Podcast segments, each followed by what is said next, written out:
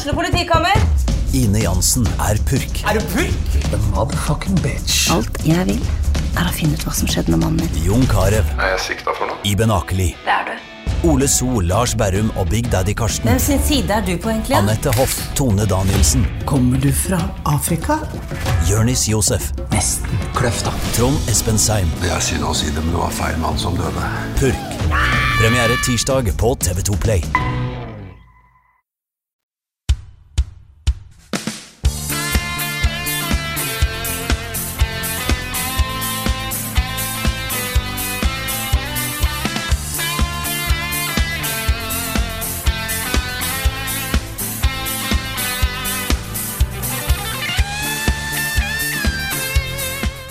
Som dette her, så er det få ting eh, jeg ville prioritert over da å sitte og spille Final Fantasy 7 Rebirth. Men da å lage podkast med dere to flotte folk er en av de tingene. Velkommen til en ny episode av podkasten Level Backup med meg, Frida Danmo. Med meg i dag har jeg Karl Martin Hogsnes og Rune Fjell Olsen. Hallo, folkens. Rebirth. Rebirth. Ballatro, Ballatro da, folkens. Ballatro. Jeg vurderer ja, å bare slutte med alt, jeg. Jeg vil så bare forlate familien min, eh, stikke på en hytte et sted og bare bli Ballatro-spiller på heltid. Ja. Jeg gjør ikke det, Mika. Mika er syk, fra. Det var bare, bare spøk. Men Ballatro er yesterday's news. Nå er det rebirth, ikke sant? Ja. Det er det som er hot. It's out. Jeg er veldig, ja, men jeg er veldig spent på hvor mange timer jeg kommer til å ende opp med i Ballatro når, uh, før jeg gir meg. Det, det er farlig, det spillet, ass. Ja. Ja. Men ja, har du begynt, Frida? Uh, nei, for det er Når uh, Jeg har jo vært på jobb i hele dag. Uh, det fins en kopi av Rebirth som i dette sekund er i en bil på vei hjem. Jeg har nemlig sendt mannen min for å hente en fysisk kopi.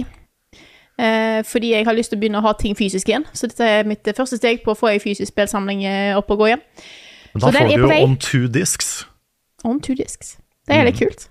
Det er litt Så, kult. så den er på vei, eh, sånn at det betyr at når jeg er ferdig med podkasten, eh, så skal jeg sette disk inn i PlayStation, femmen min, diskversjon. Sette på og sjekke om jeg må laste ned en milliard gigabyte mens jeg lager middag. Og så skal jeg spille Rebirth. Hell yeah. Yeah. Jeg er veldig spent på hva du syns. Ja, jeg eh, gleder meg veldig til dette her, så eh, det blir spennende. Jeg vet ikke om eh, Du har jo allerede snakka om dette spillet eh, i forrige ukes podkast, for de som er interessert. Du har sikkert Yes. spilt mer. Skal, kanskje, skal du snakke mer om det i neste spalte, kanskje? Ja, jeg, kan- jeg kan jo si med en gang at jeg eh, klokka halv seks i natt kom til rulleteksten. You're done. Flaks, flaks at du klarte det før eh, leggetid, da, Karl. Ja, det var veldig flaks. Men det, det var akkurat det samme som skjedde med remake da det kom. At liksom, jeg begynte på liksom sluttpartiet, og jeg skjønte at dette er sluttpartiet. Og så tenkte jeg at det kan hende det er ganske langt. Men når du først har begynt, så kan du ikke stoppe. Du kan ikke stoppe når du er på, ja, for du kan ikke stoppe når du er på slutten, ikke sant? Nei. Så da blir det, da blir det veldig seint. Og det, jeg tror det ble enda seinere med remake, faktisk.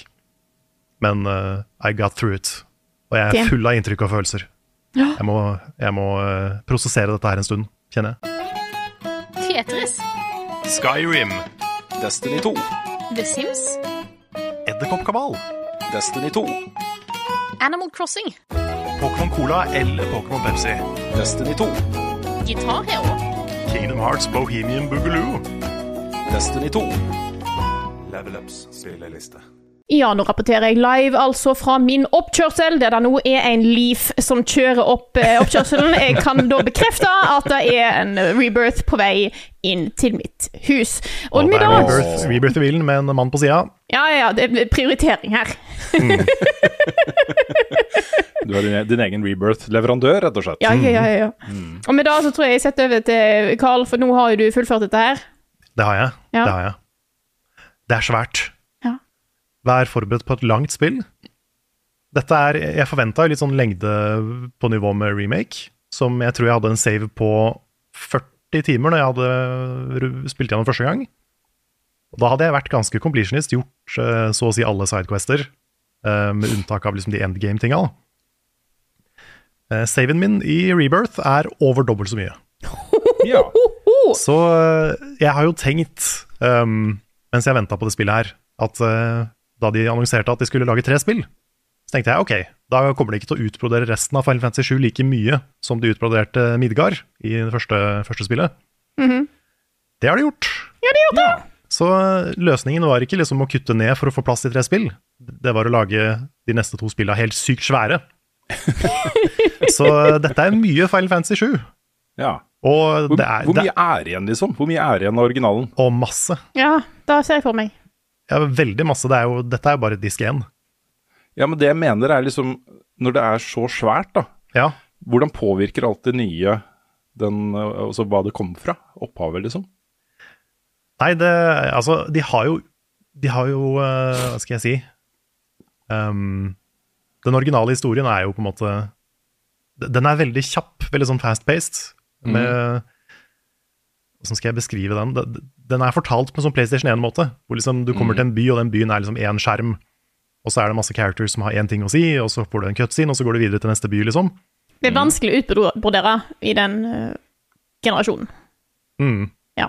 Så, så her er jo på en måte Si for eksempel uh, en by da, som heter Kalm, som er liksom sted, stedet der hvor du skal, rett etter Midgard. Eh, Det var en sånn sted du stakk innom, og så fikk du en flashback-sekvens, og så gikk du videre. Men nå, nå skjer det jo litt ting i den byen. Og du får litt quester der, og du møter litt, uh, eh, litt nye og gamle eh, personligheter og, og sånn. Mhm. Og så har de jo tatt det som var et ganske sånn tomt uh, verdenskart i originale 7, og gjort det til sånne små um, åpne soner, da. Jeg sier små, men de er jo dritsvære. Og de, de, har, de har også quester, og de har ting du kan gjøre, og ting du kan finne, og til og med sånn der Ubisoft-tårn. Å! Og eh, det, liksom, det funker som sånne små åpen verdenssoner, da. Mm. eh, mellom hver, eh, hver store story eh, location. Så jeg, jeg, jeg skjønner veldig godt hvorfor de har eh, valgt å liksom forstørre alt. Og jeg syns veldig mye av det funker veldig bra. Mm. Det at de liksom Det som skjer i Kalm, det som skjer i Junen, det som skjer i Gold Saucer. Og så er det et, et sted som jeg tror til og med var optional i originalen. Som eh, en sånn liten landsby som jeg tror du, du fint kunne skippa hvis du ville. Men som her liksom har svære plot reveals og store ting som skjer. da. Damn! Så um, de, de har liksom forstørra alt veldig, veldig mye. Og jeg, jeg, jeg, jeg tror kanskje du må det for å fortelle den historien i dag. Jeg, ser, jeg skjønner hva du mener, fordi eh, det er ikke alle ting som er skalerbare én til én fra Nei. PlayStation 1 til PlayStation 5 og moderne tid. Eh, du går veldig fort på den åpne verden, og det gir mening eh, da. Eh, og, eh, men altså, jeg tror at hvis du bare hadde gjort det virkelig én til én eh, i dag, så hadde ting føltes ganske rusha. Mm. Jeg tror du har rett. Og det um, Jeg kommer til å snakke litt om dette her i anmeldelsen, men det er jo noen segmenter av spillet som er litt sånn der Det føles litt som da de gjorde Hobbiten til tre filmer. Ja. At uh, dette er sånn Dette kunne vi kanskje gått litt kjappere gjennom, eller hoppa over, eller, eller noe sånt. Men så, så fort du begynner å føle det, så kommer det en sånn der kjempesekvens som er dritkul og engasjerende og fascinerende, og bare gjør deg hooked igjen, da.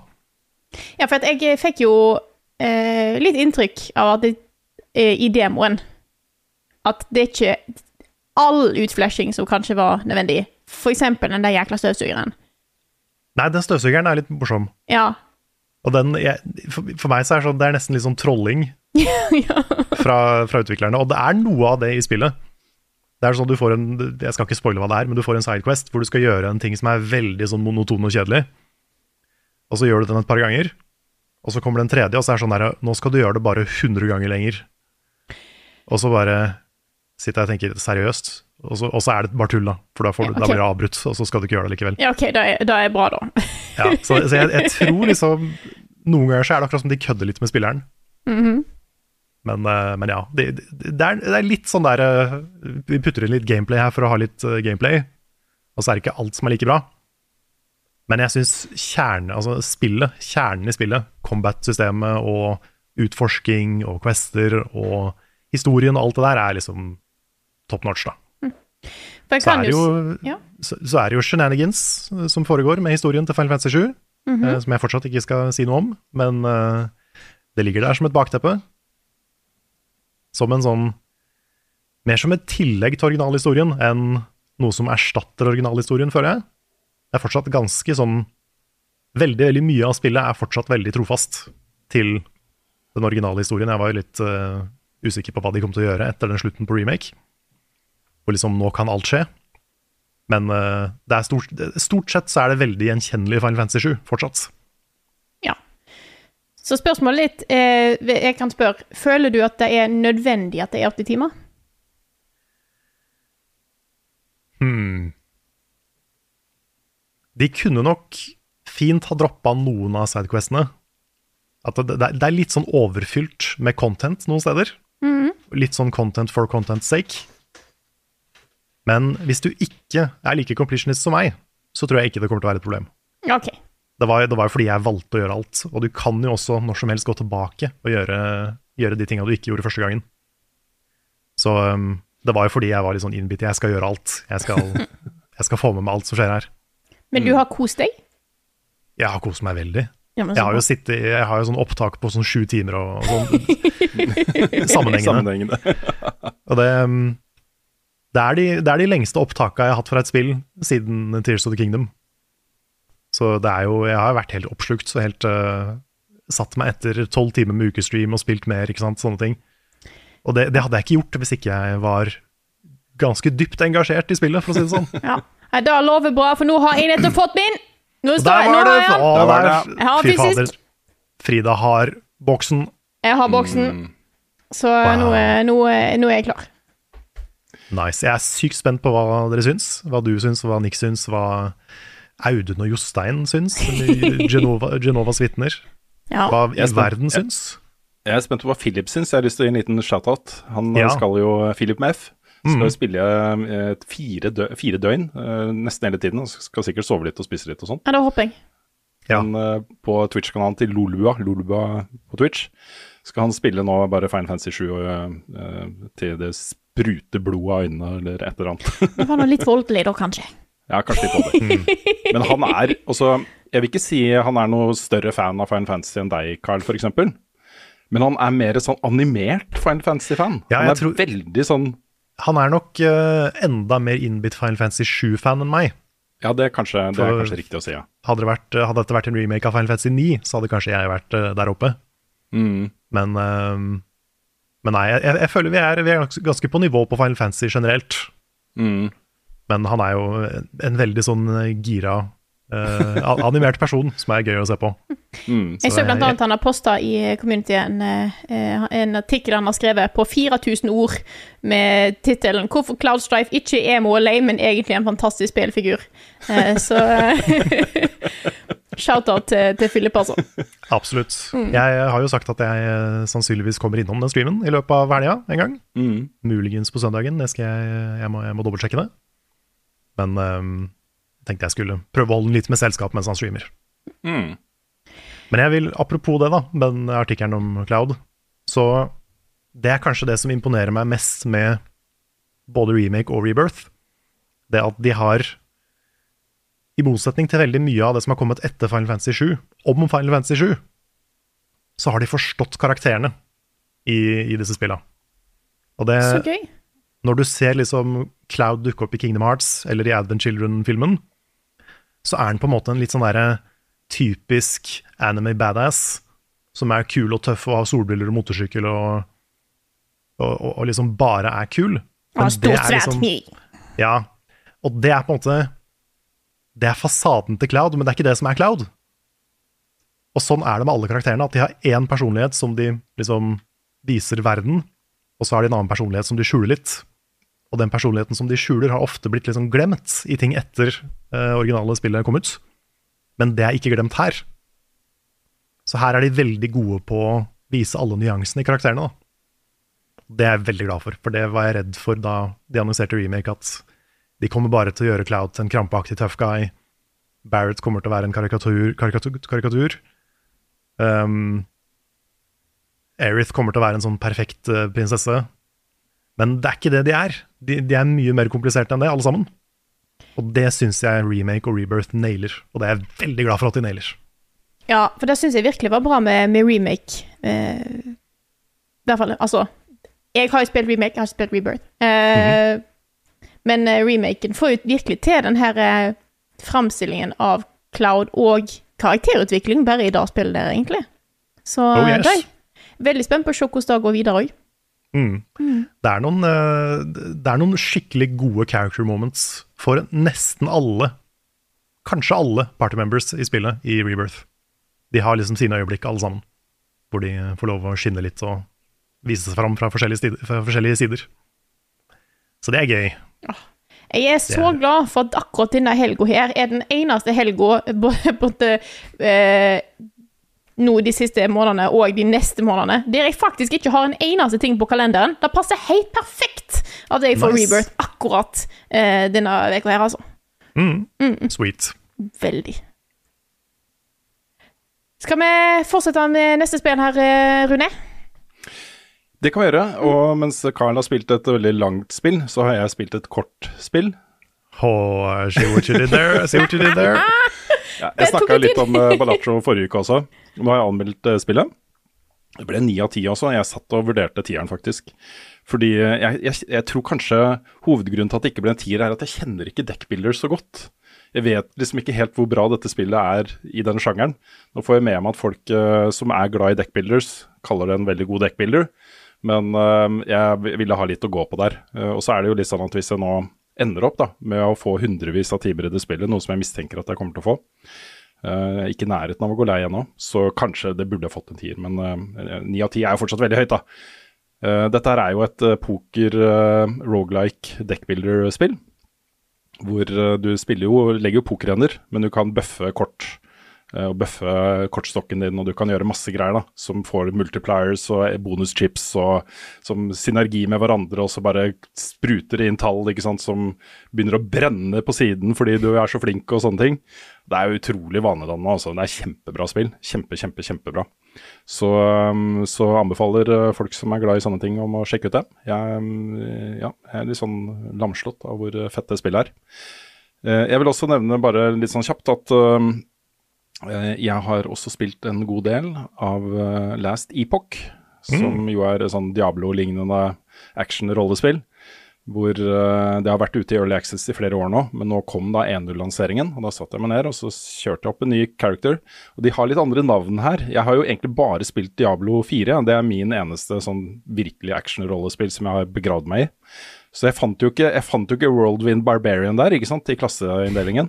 Så valgte jeg bare en som var, ja, den var tøff. Og det var, det var, det var en Whirlwind Barbarian. Sweet. Det er sånn, ja, da jeg begynte å trykke på liksom action-knappen, så begynte han bare å snurre rundt med, øksa si, og da var jeg sånn Ja, jeg var hjemme. Var hjemme.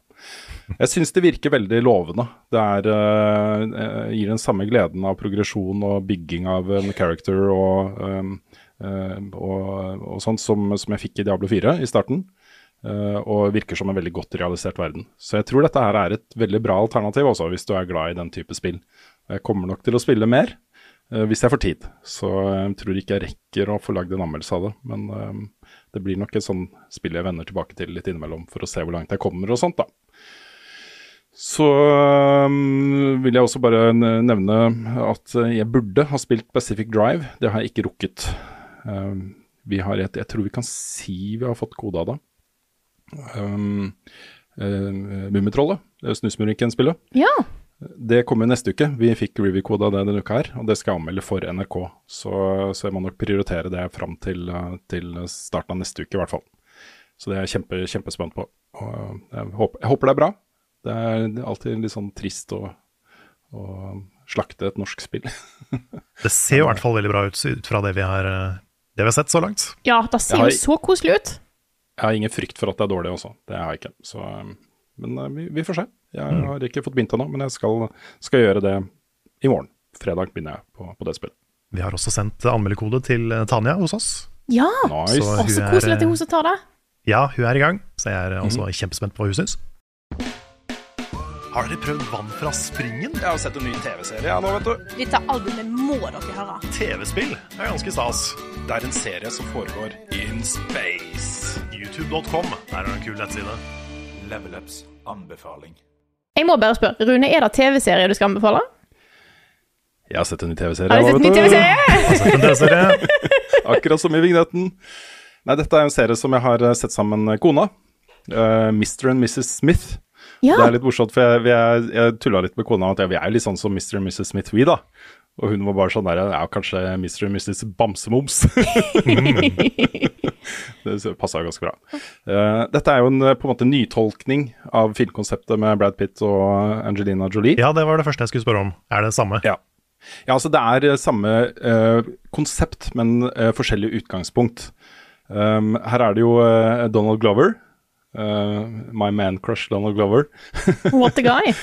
Ja, what a guy. Og eh, Maya Erskine, eh, som vi nylig møtte som Mitsu i Blue Eye Samurai. Ja. Og stemmen hennes. Ja, som, eh, som spiller da et par så, Ikke et par, de, de har liksom prøvd seg å bli sånn CIA-agenter og sånne ting, men blitt refusert da, av forskjellige grunner.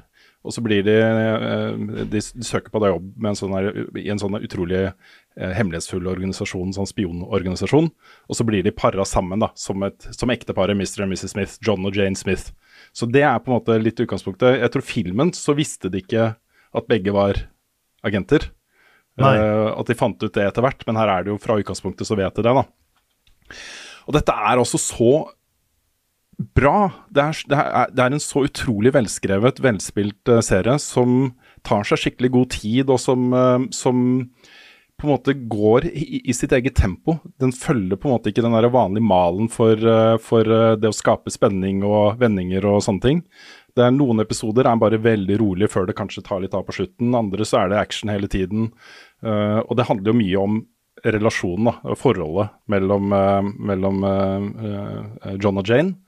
og hvordan det utvikler seg. Og det er løst altså så flott. Altså. Innmari bra musikk, innmari bra regi, kjempebra skuespill og dritbra dialog. Det her er en eh, nydelig serie også, som jeg anbefaler eh, alle å se. Her kommer nyheter med Rune Fjell-Olsen, og han har ikke hår. Vi må jo starte med ganske kjipe nyheter eh, denne gangen også. Kuttene i spillbransjen fortsetter. Nå har eh, 900, over 900 fått sparken i Sony, og de har i tillegg gått gjennom alt som er av pågående prosjekter, noe av det som ikke er offentliggjort uh, i det hele tatt ennå, uh, og øksa de prosjektene de ikke har tro på. Og Disse kuttene uh, inkluderer jo da at hele London Studio er lagt ned. Det er store kutt i både Naughty Dog, Insomniac, uh, Grilla Games, Santa Monica Studios, og så alle disse store, kjente og kjære studiene som vi er glad i. Og det er dramatisk. Eh, Det Sony sier er jo at de skal eh, restrukturere for en eh, krevende fremtid, som de sier alle disse her. Dette er bummer, ass. Ja. Dette er skikkelig bummer. Det er jo 2024 har jo starta verre enn 2023, som allerede var et marerittår for layoffs i bransjen. Så det er, det, ja. dette er skummelt. Det er det, og så er det Det er så synd at det skjer, fordi Ja, gud, det er et komplekst eh, bilde i, i spillbransjen, eh, dette her. Det er Nei, det er bare kjipt, faktisk. Det er bare kjipt. Jeg så Jason Schreier var ute på Twitter i går og, og sa at for to år siden så gratulerte han en, eh, en bekjent med en stabil jobb i spillindustrien, og den personen har nå fått sparken. Ikke sant. Ja, det, det samme gjelder jo også de mange andre selskaper, også inkludert eh, giganten eh, EA, som nå har uh, sparka 5 av staben. For eh, bare et år siden så sparka de 6% Det er mange Så mennesker. tid- Det er utrolig mange mennesker, så det er jo 12-13 til sammen nå da, som har fått sparken i EA i løpet av det siste året. Eh, og der har de bl.a. lagt ned hele Ridgeline Studios, som er et av Battlefield-studioene deres. Eh, som også da jobba med et nytt Battlefield-spill, som nå ikke blir noe av. Eh, det skal også være et eh, Star Wars FPS hos Respawn, altså Apex Legends-utviklerne, som nå er kansellert. Det, det handler om opti optimalisering av liksom businessen for, uh, for framtiden, ikke sant. Og det, jeg uh, syns det som er mest urovekkende med dette her, i tillegg til alle disse utrolig triste menneskeskjebnene selvfølgelig, er jo hva gjør dette med innovasjon eh, hos de store selskapene? Hvor, eh, hvor mye risiko kommer de til å være villige til, til å ta i årene framover? Og det er jo risiko som har drevet spillmediet videre, ikke sant? Også fra de store utviklerne og utgiverne. Eh, og hvis man bare er redd for å tape penger, så, så tar man jo heller ikke noe risiko. Og det er en kjempeutfordring nå, altså. Det er, det er trist, fordi at det, det er jo en ting som allerede trippel A-spill blir eh, eh, anklaga litt for, og ikke være innovative nok, at de prøver seg på safe ting. Eh, har jeg sett blitt eh, diskutert. Og da er jo Det er mye spennende ting som skjer i indie-bransjen. Eh, der ser en jo mye innovasjon, for det må de jo. Og da burde en jo egentlig måtte i trippel A-scenen òg. Men det jeg òg syns er dumt, da, er at en eh, Det en òg kanskje vil se, er jo da at hva vil det ha å si for kvaliteten på det som, som kommer? Fordi at hvis du ender opp med å gi, si opp mange som sitter på veldig kjerneinfo om hvordan de har utvikla spill, og hvordan spill har blitt lagd, og så mister du den kjernekompetansen, da kan det jo òg påvirke utviklingen av nye spill. Kanskje nye spill i, innenfor en sa, samme serie, der du kanskje har behov for litt eh, av den erfaringen og erfaringsoverføringen fra et spill til et annet. Vi har jo en tendens til å se på liksom et spillstudio som en slags skapning. Som at dette er liksom Ubisoft, dette er EA, dette er Rare, whatever. Men det er jo helt andre selskaper nå enn det var for bare ti år siden. Bare fem år siden. Det er liksom helt andre mennesker. Det, det er jo et nytt selskap på veldig mange måter. Ja, det, det, som, eh, det som jeg tror kanskje blir en konsekvens av dette, er jo at eh, sånne studier som Larian uh, som, og Hello Games, eh, som eier sin egen, eh, sitt eget innhold, og som gir det ut selv, og som har på en måte direkte kontakt med sitt publikum, og ikke er redde for å ta risiko. De har allerede tatt de risikoene. De har eh, gjort noe som er deres eget, og som de eier selv. De kommer nok til å få en ganske eh, spennende framtid nå også. Jeg vet jo at Larrion har vært ute og sagt at de skal staffe opp og gjerne tar imot mange av de som nå har fått sparken rundt omkring. Mm. og det samme kommer du til å se, tror jeg, hos en del av disse mellomstore indieselskapene som, som gjør sin egen greie. Og et av de er jo Remedy i Finland, som, eh, som nå har kjøpt tilbake lisensen til Control, altså eierskapet til lisensen Control, fra utgiveren 505 Games. Eh, De, de måtte betale 17 millioner euro for det. Det er 195 millioner kroner. Men eh, det, det er jo på en måte et hint da, om hvordan Remedy ser for seg fremtiden. Det å gi ut sine egne spill, det å ha full kontroll med hvor det skal ut, og hvem som eh, skal lage de, og eh, hvilke plattformer det skal på, alle disse tingene. Eh, og ikke minst da hvor mye risiko de har mulighet til å ta. At ikke det sitter noen suits i et møterom og økser de gode ideene deres eh, for å tilfredsstille flest mulig, ikke sant. Ikke sant? Det er jo det, det matcher jo vår historie. Vi har jo nettopp gått 100 inn det igjen. Tatt tilbake, ja. tatt tilbake vårt eget navn. Så, men, men FromSoft har jo gjort det samme med, som, som nå Remedy gjør. At de har kjøpt tilbake Elden Ring. Eller fått tilbake, det vet jeg ikke. Tror de, de har sikkert kjøpt Regner jeg Det er sikkert også penger involvert. Helt sikkert ganske penger mye penger også. yes. Men uh, tilbake rettighetene til Elden Ring. Så um, virker som dette kanskje er starten på en trend. Jeg er ganske sikker på det. I uh, neste uke så er det jo premiere på en film jeg vet veldig mange uh, har eh, både gledet seg og gruet seg til å se, nemlig dokumentarfilmen Ibelin, som jo forteller historien om eh, eh, Mats Steen, som da også var kjent som Ibelin i eh, spillet World of Warcraft. Eh, han døde jo altfor ung, bare i 20, starten av 20-årene, eh, av en veldig sjelden muskelsykdom. Og Denne historien er jo godt kjent i Norge fra før, via denne fantastiske NRK-artikkelen som dukka opp for noen år siden. Eh, og nå har jeg da dokumentarfilmskaper Benjamin Ree eh, på en måte fortalt denne historien. Eh, ikke interaktiv, men med spillvirkemidler. Også mange av de opplevelsene og hendelsene og dialogene og samtalene og møtene som Mats hadde i World of Warcraft, er jo dokumentert eh, i tekstform. Uh, og i filmen så er det animert uh, av en uh, svensk fyr som bare hadde en YouTube-kanal hvor han lagde på en måte maskinima basert på World of Warcraft.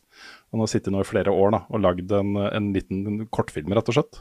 Eh, Med uh, Ibelin-karakteren og de andre karakterene som, som han møtte da, i, i um, eh, World of Warcraft. Eh, og Dette har vi snakka mye om allerede, vi kommer til å snakke mer om det uh, etter hvert. Uh, men det er jo en, et element her som, ikke har vært, eh, som jeg ikke visste om, eh, og som, eh, som Blizzard har holdt, holdt helt kjeft om. Eh, men de har jo oppretta faktisk et permanent eh, minnesmerke for Mats i World of Warcraft. Eh, og det er rett og slett en kopi av gravstøtten til Mats her i Oslo. Finner du nå i World of Warcraft. Hvis du starter en ny human character, så er den like i nærheten av eh, oppstartsområdet der. Og det er eh, både det at de ikke har på en måte brukt det i markedsføringssammenheng eller snakka om det, eller, eller at de, de har bare holdt det litt sånn litt tett om det, da. Mm. Men også at at uh, denne historien har truffet de så hardt at de gjør permanente endringer på spillet, syns jeg er ganske uh, stort, altså. Det er ganske sterkt. Det er veldig, eh, det er veldig hyggelig gjort. Mm. Mm. Det, er, eh, det sier også litt om filmen at de, uten å be om lov, bare brukte World of Warcraft, gikk til Blizzard etterpå, etter å ha jobba i flere år med filmen, Mm. og ikke bare fikk ja til å gjøre det, men i tillegg liksom gikk såpass mye inn på det at de har oppdatert spillet sitt, liksom. Mm. Det sier noe om historien og filmen, og dette, dette må folk få med seg. Ja. Premiere 7. mars eh, på den filmen altså. Jeg har allerede sett den to ganger. Du har sett den én gang, eh, Karl. Eh, Hvordan er magefølelsen din, Frida, på den filmen her? Jeg er så- Jeg er så spent på å se den. Eh, og jeg forbereder meg med å være sikker på at jeg har tatt meg flyt, nei, vannfast maskara den dagen. Det er lurt. Ja. Jeg er kjenner meg sjøl såpass godt. Eh, da vet jeg at det blir nødvendig. Selv tøffe menn som meg måtte felle en tåre fra den filmen også. Ja. Det er eh, en ganske sterk, sterk opplevelse. Hypermaskuline alfamales som, som meg, de um, klarte ikke å holde seg. Nei. Det er en ganske spesiell nyhetsuke når vi må helt hit for å komme med en uh, superhot uh, Pokémon-nyhet, Carl. Ja, Mm. det Har du stemmer. lyst til å ta ordet på den? Jeg kan ta ordet på den, vet du. Det kommer jo to, uh, eller mest én, veldig spennende uh, nyhet fra den siste Pokémon Presents uh, konfera konferansen, videoen, livestreamen, hva man skal kalle det. Det var annonseringa av et nytt Pokémon Legends. Og dette har jeg ønska meg i ikke så mange år, for det er ikke så lenge siden Pokémon Legends kom. Men uh, det var vel i 2021, tror jeg, eller 22. Så kom uh, Pokémon Legends Arceus, eller Ar Arceus, om du vil. Og nå kommer Pokémon Legends ZA. Dette er, og det- dette, det, det er ikke så veldig mye informasjon vi har ennå, men det, det kommer til å uh, være satt i Lumios City fra generasjon 6. Og det ser ut som det handler om liksom da Lumios ble bygd. I sånn, kanskje litt sånn industrirevolusjon-type setting. Og um, jeg er skikkelig klar. Generasjon 6, er det X og Y? Ja. Så setter er jo da Sagrius, da. Zagreus er sønnen til Hades. Det er feil. Hva er det heter der? Hva er det heter den Pokémon på Z? Det er- Zygard. Ja, da var det. Takk. Ja. det var nesten. Det var nesten. Det var nesten. Ja. Men uh, jeg syns Legends er noe av det kuleste Pokémon har gjort på, på lenge. Så jeg er dritklar for et nytt, uh, nytt Legends. Er du klar, Frida? Jeg er veldig klar. Det er, Nice. Jeg, jeg tester jo litt ehm, eh, Legends, men jeg kom aldri inn i det, for det passa feil tidspunkt kom det ut. Jeg hadde andre ting å ta tak i. Men jeg liker veldig godt at de tester nye ting. Mm. Uh, for det er jo òg noe som, uh, som Pokémon-serien har fått kritikk for. Det det. At de kanskje har holdt seg litt vel til formelen. Så jeg er veldig spent på å se hvor de går videre. Eh, og eventuelt hvor mye de endrer på til neste spill. Eh, Mm. Legends var jo et, et, et forsøk på å ta ting i ny retning. Og vi får se hva de gjør med ZA. Om de går enda vid mer videre derfra. Det blir veldig spennende. Og de, eh, det står jo også i den traileren at eh, det kommer ut i 2025 til Mhm. Nintendo Switch Systems. Ja mhm, Betyr det mhm, Switch mhm. 2, eller betyr det bare at de skal også gi det ut til Switch Lite, liksom? Du kan, eh, kan jo spekulere. Jeg, Men jeg tror jo- det betyr nok Altså, jeg, jeg tar på meg aluminiumsfolie konspirasjonshatt med en gang. Eh, den kommer på Switch 2. Jeg håper det. Ja. Fordi det, problemet med Legends, og enda mer Scarlet Violet, er at de kjørte jo som ræv. ja, det er ingen Så- underdrivelse. Nei, så jeg håper jo sånn sett at det kommer til Switch 2, så de har litt mer eh, maskinkraft å jobbe med. Yes. Det handler jo om optimalisering, som er vanskelig på Switch, har jeg skjønt, men de, de skulle hatt eh, enten mer erfaring eller en bedre konsoll. Når det kommer til akkurat det. Men det kom én ting til på den Pokémon-presentasjonen. Litt eh, bra slash forferdelig dårlig timing. Fordi eh, jeg børsta støv av mine Pokémon Trading Card Game-kortstokker for noen dager siden, eller for litt siden. Utfordra Svens og fant ut at shit, dette her er jo dritgøy. Dette er et kjempemorsomt kortspill. Og det var gøy å plukke, plukke opp de gamle deksa som jeg bygde da jeg var 14, liksom. Og se om de hadde noe for seg. Og så kommer de nå da og annonserer et eh, free to play mobilspill som er hele Pokémon Trading Card Game. Med kortpakker og full, full pakke. Akkurat idet jeg liksom har gjenoppdaga min kjærlighet for dette kortspillet. Så eh, litt bekymra. Jeg eh, kommer til å laste det ned, men jeg skal prøve å spille det gratis. Lykke til, Carl. Takk for det. I'll do my best. Håper du er en sterkere mann enn eh, jeg er. Det, det, det har gått litt opp og ned med sånne, med sånne spill. Ja. Jeg, jeg skal prøve. Vi eh, er også veldig veldig spente på eh, utgivelsen av Call of Duty Warzone Mobile. Dette spillet har jo vært under utvikling en god stund, og det har også vært lansert i Australia faktisk, for testing gjennom fjoråret. Det skulle egentlig komme ut på slutten av eh, fjoråret, men eh, nå er datoen satt til 21. mars. Da skal det lanseres globalt, og det er over 50 millioner mennesker som på en måte har forhåndsregistrert seg for dette gratisspillet her. Eh, og det som er eh, veldig spesielt, er jo at dette blir samme univers som eh, Warzone på PC og konsoll. Så alt av våpenoppgraderinger og level-oppgraderinger og ting du har kjøpt av av mikrotransaksjonskosmetikk og eh, progresjon i, i Battle Pass og sånne ting, vil jo være med deg i mobilversjonen. Og du kan jo forestille deg hva dette kommer til å gjøre med livet til alle de folka som sitter hjemme på PC-en sin eller på konsollen sin og spiller Warzone, og vite at du kan bare ta med deg mobilen og fortsette å levele våpen og eh, progresjon på andre ting hvor som helst. Dette her kommer til å bli svært, folkens. Hvis det er bra, da. Det er jo ikke sikkert det er bra, men uh, hvis det er bra og det funker, så kommer dette til å bli dritsvært. Garantert. Det som følger med i uh, mobilversjonen her, er jo uh, to Battle Royale Maps. Det er Verdansk for 120 spillere. og det er Rebirth Island for 48 spillere, pluss massevis av vanlige deathmatch multiplayer-moduser. som du kjenner da fra multiplayer i Call of Duty generelt. Vi nevner også at eh, det neste spillet til Riot Games har fått navn. Det vil hete 2X KO, og er et to mot to tag-basert fighting-spill. Eh, skal lanseres på 20, i 2025 på PS5, Xbox Series X og S og PC.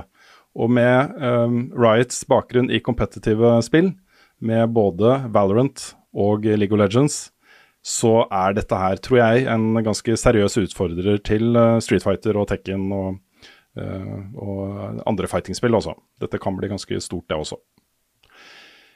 Jeg har også lyst til å nevne, for alle dere som sitter og koser dere med Helldivers 2, jeg vet det er mange av dere, eh, og som sliter litt med særlig en, den ene av de to fiendetypene i det spillet, disse her kamprobotene.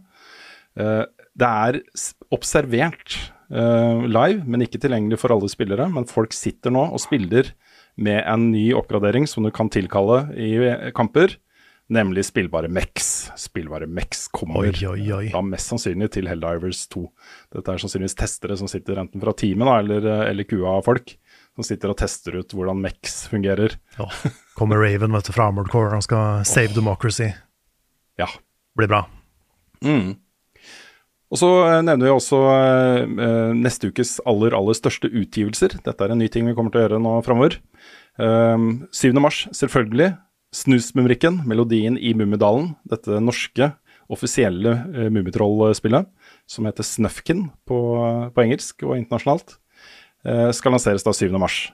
Dette er jeg superspent på også. Det er en kjempe, et kjempepotensial i, den- i, de- i det spillet. Ikke bare fordi det er Mummitrollet, men fordi det er Hypergames. De, de vet hva de gjør. Jeg, tror, eh, jeg har tro på det prosjektet her også. Og så er det så pent. Det er sånn Ja. Hver gang jeg ser det, så er det sånn der, Å, se så fint. Og se så sjarmerende stil det er, og musikken er behagelig. og Det er liksom, jeg, jeg håper de har naila spilldesignet, for da blir det her veldig bra. Ja, det kan bli kjempe, kjempebra, rett og slett. Og jeg vil også trekke fram samarbeidet med um, uh, Sigurd Aas, den islandske uh, musikeren, uh, bandet, som eh, jo har samarbeidet med Hypergames om å lage musikk her. Og vi fikk en liten presentasjon av det på tirsdag, du og jeg, Carl.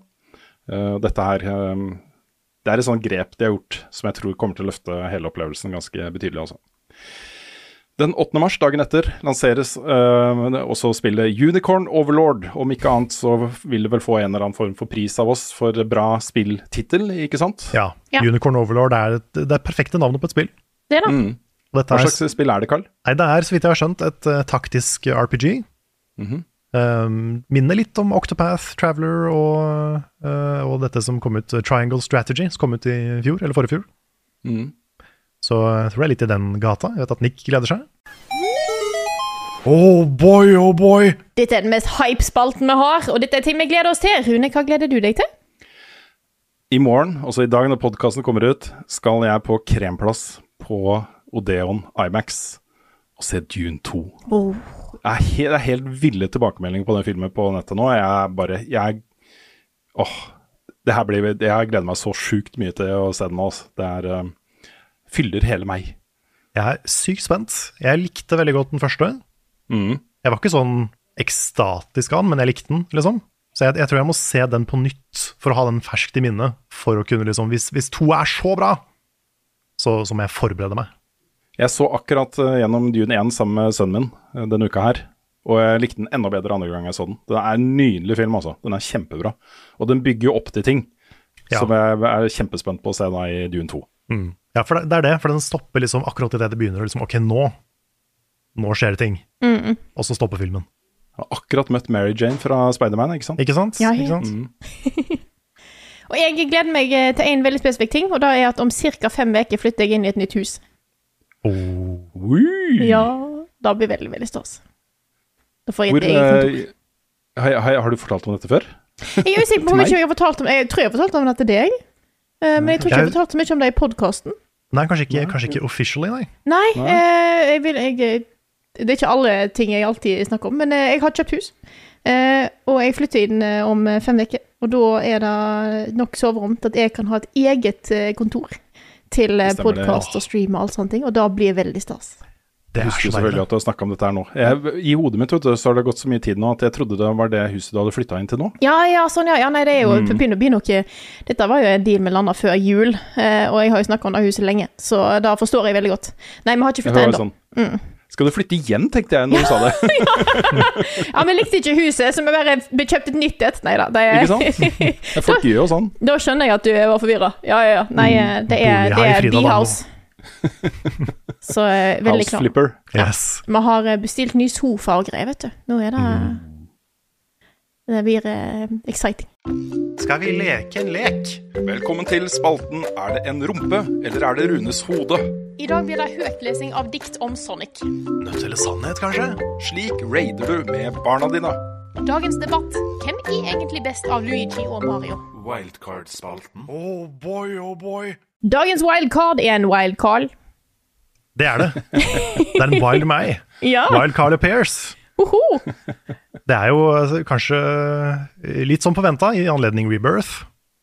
Så har jeg forberedt, i og med at jeg har spilt dette spillet nå i godt over 80, eh, nærmere 90 timer siden vi fikk det, så har jeg tolv kjappe, spoilerfrie tips til Rebirth. Skal jeg bare sette i gang? Kjør. Kjør på. Nummer én parry. For du har et innebygd parry-system. Hvis du blokker rett før et angrep, sånn som parries ofte funker i spill, eh, som ikke var i remake, men som nå er innebygd i kampsystemet, og noen fiender er ekstra svake mot det, så noen ganger så er det lurt å parrye. Det er første tips. Nummer to, sett opp L1-shortcuts i menyen for å gjøre kampsystemet ti ganger kulere. Og det er, det er sånne shortcuts, så du slipper å liksom pause spillet og velge fra en meny hver gang du skal gjøre noe. Hvis du tar de, de, de tre-fire angrepene som du bruker mest, og putter de i en sånn L1-shortcut, så kan du liksom spille det litt mer som et actionspill. Og da er det ganske kult. Det er ganske tøft, det er ganske kult å se på, og det blir, i hvert fall for meg, da, mer gøy hvis du gjør det sånn. Nummer tre. Vent med å utforske til du får din første chocobo. Du kan eh, løpe rundt i det første åpne området med en gang du kommer dit, men det er ikke så mye du får gjort der før du, du møter eh, your friend Shadley og får en chocobo. Så eh, jeg ville venta med liksom gå, gå full exploration mode til etter du har fått sjokoboen. Nummer fire, putt materia på alle party members, selv om ikke du bruker de. Eh, både fordi noen ganger så må du bruke de, og andre ganger så jeg, jeg er ikke 100 sikker, men jeg tror du får litt XP, litt, litt sånn Materia AP-XP, til de også. Det er jeg ikke helt sikker på, men, eh, men uansett så er det lurt at de også har noe. I am so confused. Yes. Hvis du, har, hvis du har spilt remake, så gir det deg litt mer mening. Yes. Ok. Um, nummer fem. Hvert våpen har en unik skill du kan lære, så ikke bytt våpen før du har lært den skillen. Dette er jo uh, også et tips for remake, at uh, du har sånn proficiency-bonus, som uh, hvis du gjør en spesifikk action så så mange ganger, så lærer du den skillen, og da kan du bruke den selv om ikke du har det våpenet. Så, Sånn som Returnal, altså. ja, på en måte. Så det er, det, det er lurt. Det er veldig lurt. Uh, nummer seks. Ikke mash, ikke button mash gjennom eh, fights. Hvis en fiende eller boss tar lang tid, eller gir deg grisebank, så er det mest sannsynlig en sånn Megaman-type svakhet som du ikke har oppdaga. Så enten så er de svake mot flammer, eller så er de svake mot parries, eller å bli eh, blokkert. Punish mode med cloud. Um, det er ikke det det heter. Gjør det ikke det? Punisher mode? Jo. Jo, stemmer. Uh, og det glir litt inn i neste tips, nummer sju. Bruk SS på alt. Som også var en ting i remake. Um, SS er en ability som du klipper med, et, med en materia. Og det skanner fiender for å finne svakheter. I tillegg så blir det oppdatert i en sånn database som jeg mener husker at unlocker en del quester, eller en del sånne special fights. Oh. Og hvis du har SS av en fiende, så kan du også trykke på touchpaden for å få opp den informasjonen på nytt etterpå. Og der får du vite svakheten og hva som skal til for å stagre de og sånne ting. Så det er veldig lurt. Alltid bruk SS på alle bosser, alle fiender. eh, første gang du møter de. Litt sånn som Metro Prime. Jeg kommer med referanser vet du. Ja, så- det, det, det er bra. Bruk de, eh, bruk de knaggene du har. Mm. Eh, nummer åtte. Skills med focused i navnet sitt er veldig bra for å bygge opp stagger-meteret. Eh, dette er også en gjenganger fra remake, hvor focused strike eller focused eh, shot og sånne ting det, Når en fiende er pressured, så bruk de for å gjøre de staggered. Som igjen går over i tips nummer ni. Spar limit breaks og de sterkeste angrepa du har, til når fiender er staggered. For da gjør du så mye mer damage på de. Så du kan smelte bosser med en, en veltima limit break. Hvis du bare, du bare venter til du får staggermeter på topp. Litt sånn som å legge på kort på bordet som forbereder det egentlig playet ditt i Balatro, egentlig. På en måte. Mm. Jeg tror det, Du er helt sikkert inne på noe. Nummer ti. Uh, den her er litt lang. Sync skills, eller synchronization skills, og synchronization abilities er to forskjellige ting. Ja vel? Den ene, det ene gjør, at, uh, gjør du ved å holde inne R1, eh, og da fyller du opp det actionmeteret til to karakterer samtidig. Og det er veldig lurt, fordi ATB-systemet er liksom, det er sånn du bruker skills. Så hold inne R1 og bruk de skillsa eh, ofte. Det er smart. Uh, og så den, den andre tingen, synkabilities, de bygger seg opp når du bruker skills med forskjellige characters. Så hvis du har brukt tre forskjellige skills med Cloud, bytter til Tifa, bruker tre med henne, så kan Cloud og Tifa teame opp og gjøre et sånt superangrep. Og det, det, velger du som en sånn limit break i menyen, da. Og de er veldig bra. De kan du få sånn evig MPA og sånn. De er kjempebra. Nice. Så ikke bare vær, ikke bare vær Cloud hele tida. Bytt konstant mellom characters, og bruk abilities med alle. For da kan du også bruke sync abilities. Nummer 11. Hvis du blir lei av sidequesting, så skader det ikke å gå videre. Du mister ikke tilgang til quester på samme måte som du gjorde i remake. Det er ikke sånn at når du er ferdig med kapittel 2, så kommer du ikke tilbake til det området, liksom. Nå, nå kan, du, kan, du, gå litt fram og tilbake som, som, du vil. Og så, det siste tipset, um, som jeg ikke alltid var like flink til å følge sjøl, siden jeg skal anmelde spill og sånn, men det er pace yourself. Et langt spill, og ikke, ikke vær stress. Ikke, ikke, ikke sitt i åtte timer og grind hvis du uh, kjenner at liksom nå, nå kunne jeg tenke meg å gjøre storyen, eller nå kunne jeg tenke meg å legge det fra meg litt og komme tilbake til det. Fordi det, det, er veldig svært. Veldig, veldig svært. Så ta deg, ta deg, god tid. Ikke tenk at du skal runde det fort. Hvis ikke du skal anmelde spillet for en videoredaksjon. da burde du kanskje runde det ganske fort. I hvert fall hvis du i tillegg hadde tolv timers streams en, en uke, som lå litt bakpå der og sånn. Jeg tror det er bra du kom med den folkeopplysningen her, for dette tror jeg gjelder for veldig mange. Jeg tror det gjelder veldig mange, nemlig. Ja. At det er mange Ja. som hadde stream denne uka. Så, eh, men det var eh, kjappe tips til remake og rebirth. Det er jo nesten mer enn spilltutorial, og spillet lærer deg mye av det her. Men det er ganske mange tutorials i starten, så det er lett å glemme det. Så en liten sånn oppfrisker til, eh, til combaten. Varenes best, hvor var fredag sist? Har Carl egentlig sopp? Ukens spørsmål. Og i dag så satt vi med et spørsmål fra Elfuego6115, som skriver Denne blir litt lang, eh, men jeg tar det i sin helhet. Jeg har nylig lagt bak meg gjennomspilling nummer to av Elden Ring, og er nesten ferdig med The Witcher 3 for femte gang. Jeg vet at flere av dere tidligere har uttalt at Elden Ring har satt en ny standard for åpen verden rollespill, og at dere regner med at mange vil la seg inspirere av dette fremover. Jeg er både uenig og enig her. Jeg føler at Elden Ring har skapt seg en nisje innad i denne sjangeren. Åpen verden er vel mer et designvalg enn en sjanger, men det får bli en annen diskusjon. Alle Soulsborne-spill har det til felles at du styrer en karakter i en verden hvor alt fremstår ukjent og rart. Du føler alltid at alle du møter vet mer om verden og tingenes tilstand enn du sjøl gjør. Det er mye mellom linjene, og så tror jeg at vi som spiller ofte legger enda mer mellom linjene i disse spillene enn hva som faktisk er der. I The Witcher 3 er situasjonen en helt annen. Du styrer en karakter som kjenner verdenen og reglene som gjelder.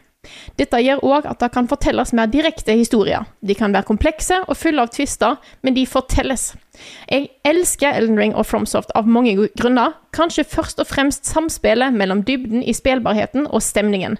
Når det kommer til historiefortelling, er jeg mer skeptisk til om dette bør være standarden alle skal rette seg etter. Jeg kan i alle fall ikke si at jeg husker historien fra et eneste Soulsborne-spill. Jeg husker plasser, karakterer og hendelser, og jeg husker følelser. Jeg har fullført Bloodborne kanskje ti ganger, men sliter fortsatt med å gjenfortelle hva det egentlig handler om. The Witcher 3 derimot forteller en faktisk historie. Fantasien får mindre spillerom, men du får òg være med på en reise som noen har skrevet og regissert. For meg framstår dette spillet langt mer som en god roman når jeg tenker tilbake på det. Hva tanker gjør dere dere om historiefortelling i denne typen spill? Når går valgfrihet på akkord med regisserte opplevelser? Det, vi, det var det vi hadde tid til i podkasten denne uka. Nei, jeg tok det i sin helhet, for det er ganske nyansert Ja, ja. spørsmål, dette her. Ja, det er et stort uh, spørsmål. Ja, Ja, men det var godt formulert. Det var fint, uh, det var fint uh, argumentert og godt eh, beskrevet. Jeg, jeg tror nok at, eh, at eh, det, det er ikke noen motsetning eh, mellom oss på akkurat dette. Fordi eh, når jeg eh, snakker om Elden Ring og Tears of the Kingdom og den type spill som en ny standard, så er utgangspunktet at eh, du er en litt sånn blank canvas som kommer inn i en stor, åpen verden og skal utforske den uh, slik du vil, da. Uh, og der, det er det jeg mener med en ny standard. Det at man ikke da blir dytta i, i alle retninger og fortalt nøyaktig hvor man skal gå, hvem man skal snakke med og sånne ting. Får den type opplevelse å være på en måte reis, tilreisende. En eventyrer i et nytt univers. eh, hvor du som hovedperson har liksom Din beskrivelse er én setning. Ikke sant? Du, du er en tarnished som skal bli eh, Elden Lord. Det er alt du trenger å vite om, om den rollefiguren du styrer, ikke sant? Eh, så, så, så vil ikke jeg ha alle de ikonene på kartet. Da, da vil jeg at den verden skal være noe jeg utforsker på egen hånd.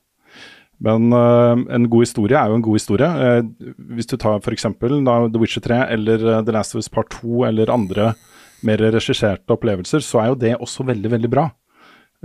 Så, så jeg sier jo ikke nei takk til en skikkelig god og godt fortalt historie.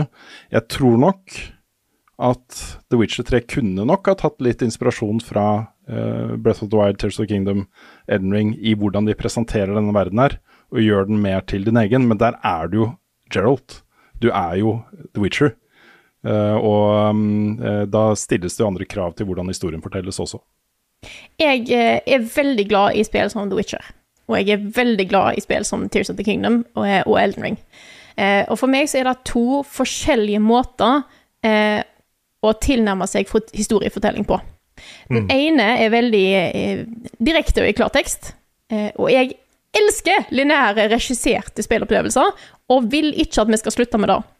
Men jeg syns òg at historiefortellingen som Fromsort gjør, er veldig spesiell. og jeg vet at veldig, veldig mange er glad i denne måten å fortelle en historie på, det at du sjøl føler at du er nødt til å på en måte dra historien ut av spillopplevelsen. Jeg syns ikke at alle spill skal ha den måten å fortelle historiefortelling på, men jeg syns det er kult at noen har det. Ja. Så jeg Ja, vil ikke at den ene Altså, jeg kan ikke si at den ene måten å fortelle historie på er bedre enn den andre, for det gir to helt forskjellige opplevelser som jeg er glad i på hver sin måte. Jeg er, jeg er helt enig. Jeg er veldig glad for at God of War Ragnarok ikke er et open world-spill, f.eks. Ja. Jeg er veldig glad for at uh, Final Fantasy ikke er så åpent som Cheers of the Kingdom er. liksom. Mm. At, uh, for da, da kan du ikke fortelle de historiene som du gjør i de spillene. Hvis du skal ha det så åpent. Mm. Så eh, det er som Frida sier, at det fins så mange måter å fortelle historier på i spill, som du må velge ut ifra hva slags spill du vil lage. Og du har jo sånn som Portal sin historiefortelling er jo helt unik, fordi alt foregår i første person.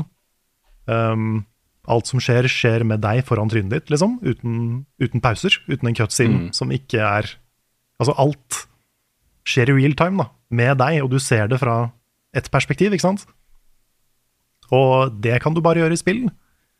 Det er også det som er litt kult med FromSoft sin historiefortelling, at det er en type historiefortelling du bare kan gjøre i spill. Ja.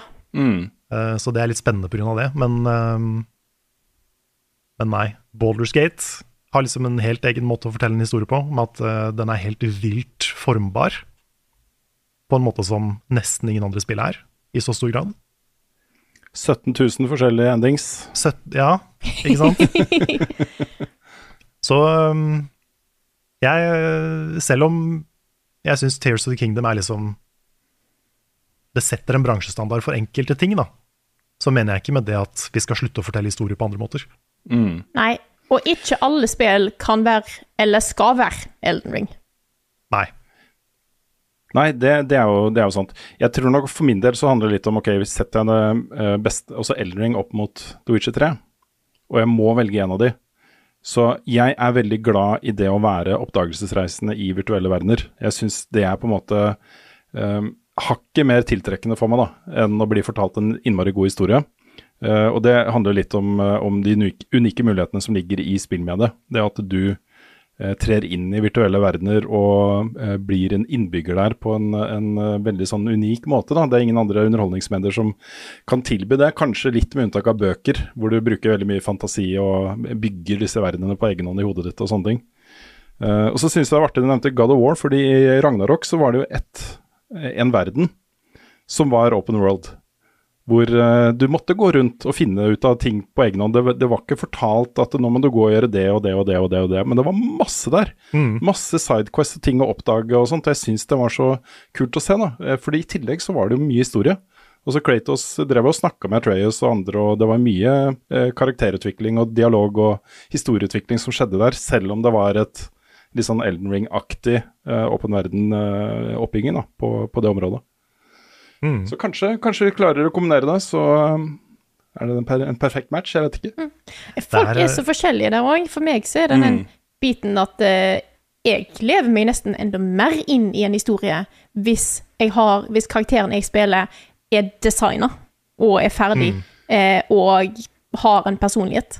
I dag jeg eh, Hvis jeg må designe min egen karakter, eh, så f da går jeg litt ut av historien. Eh, da, da er ikke det samme Jeg får ikke den samme innlevelsesbiten. Jeg har ikke behovet for å sette meg i historien. Nei, Jeg vil gjerne da- bare være en del tror- av en karakter. Jeg tror jeg er litt sånn som deg på det, Frida. Mm. Jeg, jeg, heller, jeg også blir mye mer knytta til rollefigurer som har personlighet. Men da må, jeg, da må jeg dra inn Cyberpunk igjen her også. Der lager du din egen rollefigur, som også er skrevet inn i historien med utrolig mye både dialog og interaksjon og relasjoner til andre og sånne ting. Ja, for da er det kult gjort. gjort. Ja, Ikke sant? Sånn som Disko Lysium, det, det funker. Og så vil jeg jo si da at uh, på topp fem all time uh, beste spill jeg har spilt, eh, litt, eh, litt avhengig av om jeg skal slå sammen forskjellige From Software-utgivelser eller ikke, så har jeg både Elden Ring og Cyberpunk 2077. eh, som jo er to forskjellige tilnærminger til åpen verden-sjangeren. Så, um, så det er nyanser her. Det er, ikke, det er ikke sånn at nå er alle, alle narrative open world-spill dritt. Det er ikke det jeg sier.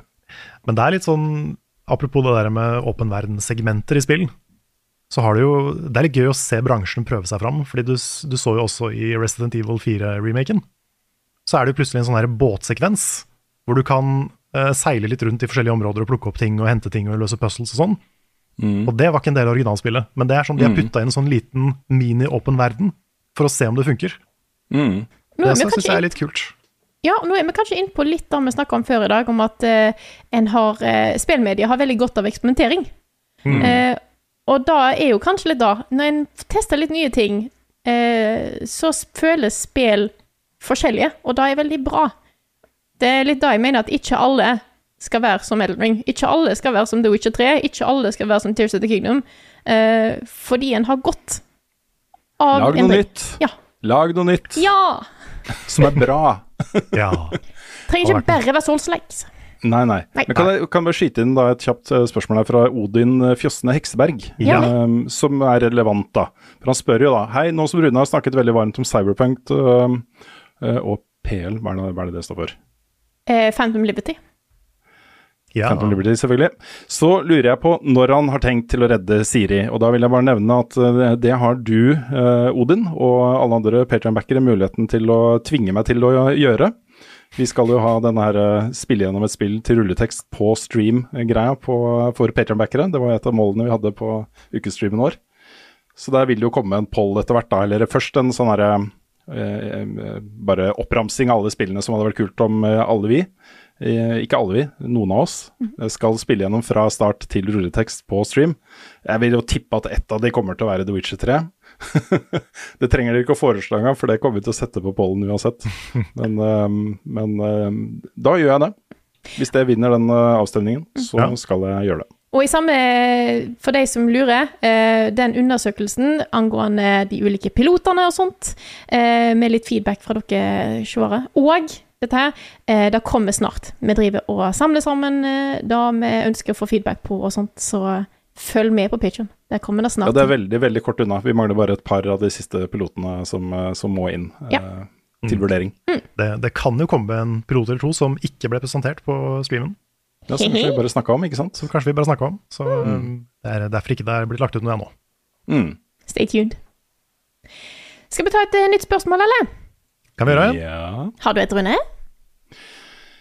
Ja, dette kan jo bli litt vanskelig å svare på, men jeg har i hvert fall én jeg kan begynne med, og så kommer dere sikkert på noen etter hvert. Men det er fra Endre Iversen, uh, som skriver da Hei, gjengen. Jeg har en ganske interessant vinter-vår der jeg driver og oppdager gamle klassikere fra spillhistorien som jeg ikke har spilt før. Jeg har allerede vært gjennom Portal 1 og 2, klasse, og er nå i gang med Half-Life-serien, klasse. Hva er deres anbefalinger om neste spill eller spillserie eh, jeg bør starte på? Jeg spiller i hovedsak på PC. Dette er jo en Altså, jeg blir litt glad for å se dette her. Nå vet jeg ikke om dette er, gjelder Endre, da, men jeg møter av og til folk som sier liksom at de um, uh, har spilt bare sånn Fortnite og CS og Fifa og sånt gjennom ungdommen, og så har de på en måte oppdaget spill som kulturuttrykk på nye måter når de blir litt eldre, og så vender de tilbake og skal spille opp igjen uh, gamle klassikere som, uh, som eh, de ikke har spilt. da. Og det er, sånn, det er så fint altså grave seg gjennom spillhistorien på den måten. Og det er veldig kult at du Um, tar opp dette her, for mitt neste spørsmål var da fra Malekita, som spør er det noen spill dere mener folk må spille en gang i løpet av livet. Ja, ikke sant. Mm. Det er eh, relatert. Yes. Det, er- for å begynne, begynne ballen, da. Um, Dishonored-spillene, Dishonored 1 og 2, de har holdt seg dritbra og er fortsatt uh, utrolig fett å spille. Så, um, så uh, det er i hvert fall én serie som det er uh, vel verdt å få med seg. Eh, Hvis vi tenker hovedsakelig eldre spill, var det da eh, det var opp Jeg, tenker at altså, de, de eh, eksemplene som, som man viser til, da, Portal og Half-Life, er jo fortsatt utrolig spillbare i dag. Ja. Man kan sette seg ned med de, og de funker, og det er ikke noen utfordringer med verken teknikk eller grafikk eller noen ting. Du kan bare spille det og kose deg med det, liksom. Ja. ja, fordi hvis det um, Litt nyere eksempler, da. Så vi nevnte jo God War i, um, i stad. De, de to nye God of War-spillene er dritsterke. De, eh, de er sånn som jeg tror Det er rart å ikke Det er nesten rart å ikke like dem, på en måte, for de er så, de er så sånn genuint bra på alt. Mm. Jeg vil jo òg slenge inn Undertale her, som en av disse her som jeg føler at nå, i hvert fall i dagens spill, Sverre, så er Undertale en klassiker som, eh, Ja. som folk bør ha spilt. For Det er mange å som har det helt på toppen av uh, tidenes beste spillister og, lister og sånne ting. Absolutt. Inkludert meg. Jeg har det på toppen. Mm. Jeg vil nevne noen uh, klasse indiespill. Ja. Uh, um, Journey, Limbo, Inside. Mm. Alle de tre er uh, litt sånn bite-sized bite-sized, eh, eh, opplevelser som kan fortæres på en kveld, og er latterlig bra. Hvis han er ute etter noen litt eldre ting, sånn Super Nintendo, eh, den, den æraen, så ville jeg jo anbefalt uh, The Holy Trinity av liksom Krono Trigger, Earthbound og Final Fantasy 7, da, kanskje nå. Mm. Fordi da kan du gå tilbake, og da kan du spille remake etterpå, ikke sant? Han spiller på PC da, Carl. Ja, men det er på PC. Ja. Alle de tre? Ikke Earthbound er ikke på PC, men Nei, eh, Trigger og Final Fantasy 7 er på PC. Mm. ja, hvis det kun er på PC, da er det jo alltid litt eh, Ja, jeg mener jo òg at Outer Wilds er en, eh, Ja, ja, ja, en ting som jeg nå vil Ja, kalle en moderne klassiker. Mm. Jeg klarer ikke å slutte å snakke om det, Jesus Christ! Eh, Og så sjokkerende nok da, for eh, alle som hører på, og, og endre sikkert, kan jeg få lov til å foreslå Dark Souls remaster? Ja, Dark Souls det er jo- Bloodborne Bloodborne er ikke på PC. Bloodborne er ikke på PC. Det er ikke på PC. Det er ikke på PC, men uh, nei, du får jo alle Souls-spillene av Elden Ring på, på PC, du gjør det. Sekro. Ja, ja, ja. ja. mm. Nei, det er, eh, det er noen sånne oldtimers. Jeg tror hvis du begynner å, å branche litt ut, ikke bare PC, eh, og ser litt bakover, så er det mye kule spill som eh, en kan få stilige opplevelser av ganske altså både nå, men òg framover. Skal ikke det komme en eh, Thousand Year Door eh, Det skal det. Det er et kongespill. Ja, da er jeg virkelig å anbefale. Det er jo en av de beste eh, innenfor den sjangeren der. Har du tilgang til en Switch, så kan du jo spille Ocarina of Time. Mhm. Også gå for å være en av de store klassikerne, hvis du vil eh, spille deg opp på litt historie. Mm. Yes. Dette er jo, det er jo veldig personlig, da, hva vi mener en bør ha vært igjennom. Og da, er- sånn er det jo Mm. bare. Men eh, av, eh, jeg, hvis du vil ha innenfor plattformsjangeren, så mener jeg fortsatt at Rayman Origins og Legends er blant de aller beste eh, av den type plattformspill. Som eh, både er festlig underholdende og eh, veldig, veldig gjennomført gode. Mm. Og Celeste. Celeste òg. Det er jo enda eh, eh, enda vanskeligere. Og i samme åndedrag så kaster jeg inn Hollow Night. Ja. Mm. Metroidvania, det, det beste Metroidvania-spillet jeg har spilt. Da Det har dere litt å ta Ja. Det, Mm. hvis dere er med Nå har jeg nevnt Portal. Jeg håper det inkluderer Portal 2, som er jo mitt Ja, eh, favorittspill. Portal 1 Ja. også. Det er bra. det er bra.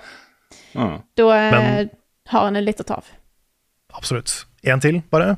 ja. Hvis, eh, hvis du setter pris på litt sånne um, rolige, narrative spill, Night in the Woods.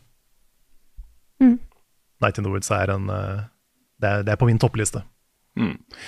Og så Hvis man er i den situasjonen, da, man har lyst til å grave seg tilbake i spillhistorien og finne gamle ting og, og se, eh, se om det er noe, så er jo Steam en innmari god plattform for det. De har jo disse periodene med salg gjennom hele året, flere ganger i året, uh, hvor, eh, hvor eh, franchises og serier og sånt kommer på supertilbud.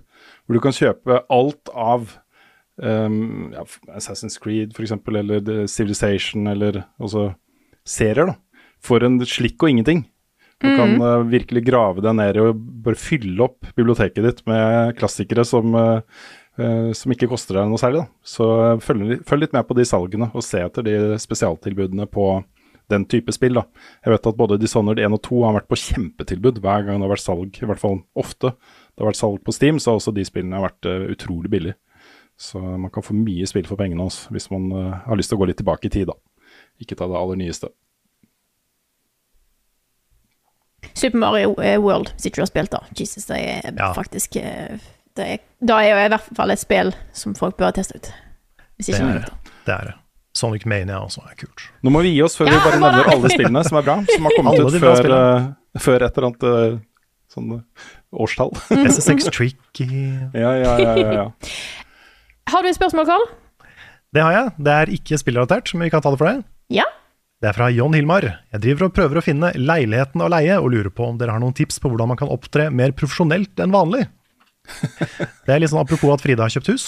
Ja. ja, ikke sant? Eh, Um, Ja. Ja, Jeg har, jeg har litt, eh, litt ting. ja kjør på. Eh, når det, I hvert fall når det kommer til profesjonelle eh, ting. Eh, vær sikker på Dobbeltsjekk at grammatikken din er OK. Fordi eh, hvis det er på en måte mye sånn slurvete skrivefeil og, eller sånne ting eller bare, For det er veldig lett å bare skrive noe feil. Eh, jeg gjør det hele tida. Men ta en dobbeltsjekk, og sjekk at rettskriving og sånt er OK. For da ser ting mer ordentlig ut. Da ser det ut som du har tatt deg litt mer tid til det, og ikke bare kasta inn en melding i en fei. Jeg er veldig glad i å bruke emojis på alt jeg gjør, men prøv å unngå emojis i akkurat den setningen her. Eh, nå er dette kanskje litt sånn banale ting, men det er, det er bare, det er bare sånne småting som skal til for at ting ser litt mer ordentlig ut. Start med hei eh, eller eh, hallo, og avslutt med 'med vennlig hilsen' i full tekst. MVH er en sånn forkortelse som er veldig grei å bruke bare sånn her og der, men hvis du skriver det ut, så ser det bedre ut med en gang. Mm. Det er sant. Yes. Ellers så liksom Du kommer veldig langt med bare være, være hyggelig på visning. Mm. Ja. Vær, vær interessert og vær hyggelig. Spør litt sånn smarte spørsmål, kanskje. Les deg opp litt på forhånd om hva det er lurt å spørre om, og, og spør på en vennlig måte og ikke en kritisk måte, liksom. Du kan prøve deg med noe sånne, hvis- så lenge det fremstår som eh, genuint. Men sånn, jeg håper ikke det er mye støy her, for jeg liker å ha det ganske rolig. Ja, Åh, snikskryting, ja! ja den, er, den er fin. Og så er det òg Ja, nei, men eh, blikkontakt, blikkontakt, eh, fast håndtrykk. eh, Pen i tøyet, trenger ikke å være dress, liksom, men at det ikke er en eh, sliten, eh, møkkete T-skjorte som har ligget på gulvet etter å ha blitt brukt i fem dager, liksom. Mm. Det, ja. Og så er det, også, det er jo ganske mye Noen plasser i Norge så kan det være ganske hard kamp om leilighetene, og bare da komme på visning. Og da er jeg fullt klar over. Da har jeg slitt eh, Det var vanskelig når jeg skulle finne plass å bo her i Skien og Porsgrunn òg sjøl. Eh, så det som kan være lurt, i hvert fall når du skal sende en melding og kontakte og si 'hei, jeg er interessert', eh, kanskje bare skrive en setning eller to om deg sjøl. For da eh, kan du gjøre et sterkere inntrykk da, på, eh, på de. Eh, sier liksom hvem du er, og hva du eh, ja, Ikke selvfølgelig utgrave alt om, om hvem du er, og sånt, men bare en, sånn, en setning eller to om hvem du er. Eh, da får du kanskje litt mer sånn personlig uttrykk, da, rett og slett. Kanskje du rett og slett skal kombinere sånn Tinder-greier. Bare send meg et bilde av deg på toppen av et fjell, bilde av deg Ja. med et dyr, Med et eksotisk dyr, ja. eksotisk dyr. Mm. Bilde av deg i bar overkropp som poserer i speilet. Mm. Noe sånt. Ja. Lykke til med leilighetsjakt, i hvert Ja. Lykke til. Det Lykke til. Tenk, tenk litt sånn jobbintervju, nesten. Bare Ja. ikke like skummelt. Jeg håper, jeg håper det går bra. Jeg har hørt mye rare ting om hvordan eh, boligmarkedet har blitt, i hvert fall i sånn Oslo-området, eh, der en nå begynner å ha eh, bud på leilighetspris i Oi. leie. Ja, det er, det er, det er helt vilt. Ja, det sånn, ja, det, jeg, har fått, eh, jeg har hørt snakk om Jeg kjenner folk som har sagt eh, at de har sett etter leilighet, og så har de fått beskjed om ja, men eh, den leieprisen her Det er noen som kan by litt mer. Byr dere over da? Det er sånn, Ja, ikke sant. Det er jo helt ko... Oh, det, det, det vet jeg ikke om er lov engang. Nei, det hørtes helt for jævlig ut. Ja. Det er mer enn dyrt nok. Mm. Jesus. Jeg har lyst til å ta et spørsmål her. Ja. Det er fra Golden Forest som skriver litt rart spørsmål, men hva er noen små detaljer i spill dere syns er kule? Og jeg tar opp dette, for det er noe jeg har eh, gjort meg merke i det siste, som jeg er veldig glad i. Og da er dynamisk soundtrack som endrer seg når du gjør ting i spill. For da la jeg veldig godt merke til i Cocoon, som jeg fullførte mm. nå for en liten stund siden. Eh, og det, det er jo et puslespill. Eh, og når du gjør noe eh, Du prøver å finne ut hva skal jeg ta med den orben her, hvordan skal jeg gjøre dette her. Og i dag du har funnet rett løsning og er på vei Du, du har ikke gjort det engang. Du er på vei til å løse oppgaven. Eh, og du skjønner at 'å, dette tror jeg er løsningen', så endrer musikken seg. Og liksom forteller deg at 'ja, nå har du funnet løsningen'. Good on you. Nå er du på vei til å løse dette her. Og da syns jeg det er så kult. Kan jeg ta en veldig relatert en, apropos det? Fordi jeg tenkte på det når, eh, når jeg spilte demoen til Final Fantasy 7 Rebirth. at musikk som er med på å fortelle historier Altså sånn når musikken er som en sånn underline av det som skjer. Sånn som Et godt eksempel er Det er veldig mye musikk i originale Final Fantasy 7 som du hører sånne små mini-bruddstykker av i cutscenes i remake. For eksempel når Sephiroth helt i starten står foran døra til Genova, og så hører du bare noen få toner fra Genovas team, som er sånn legendarisk creepy. Det er så kult. Og det var, det var ikke der originalt, men, men det er liksom sånn derre Dette husker du? Dette er Genova, er det musikken til Genova? Og så er det åh! Det er sånn klassebruk av musikalske tema. Det Ja. er så gøy når en bruker det til historiefortelling. Det er det. Og det, og det, og det finnes så mange eksempler på det. At du har liksom en cowboy-versjon av Tifas team når hun kommer og er guide, og du har, du har en skummel versjon av alle themes, du har en, en, en happy, episk versjon av alle themes.